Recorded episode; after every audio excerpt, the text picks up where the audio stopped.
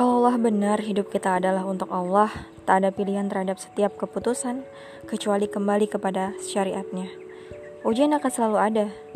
Kita berharap ada mujahadah yang mengiringinya. Sekalipun tentulah penuh cacat lalai dan alpa. Lelah dan air mata mungkin menjadi bagiannya.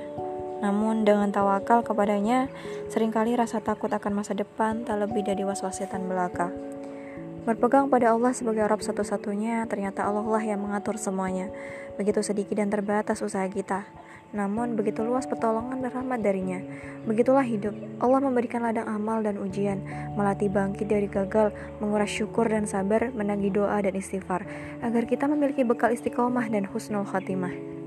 Maka, bekerjalah untuk Allah, sekalipun kita tak sempurna, karena lowongan kerja Allah selalu terbuka bagi siapa pun yang mencarinya.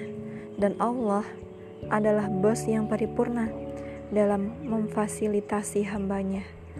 Agar meski ketika kita banyak kurang dan dosa, Allah mampukan kita menyelesaikan setiap amanah darinya.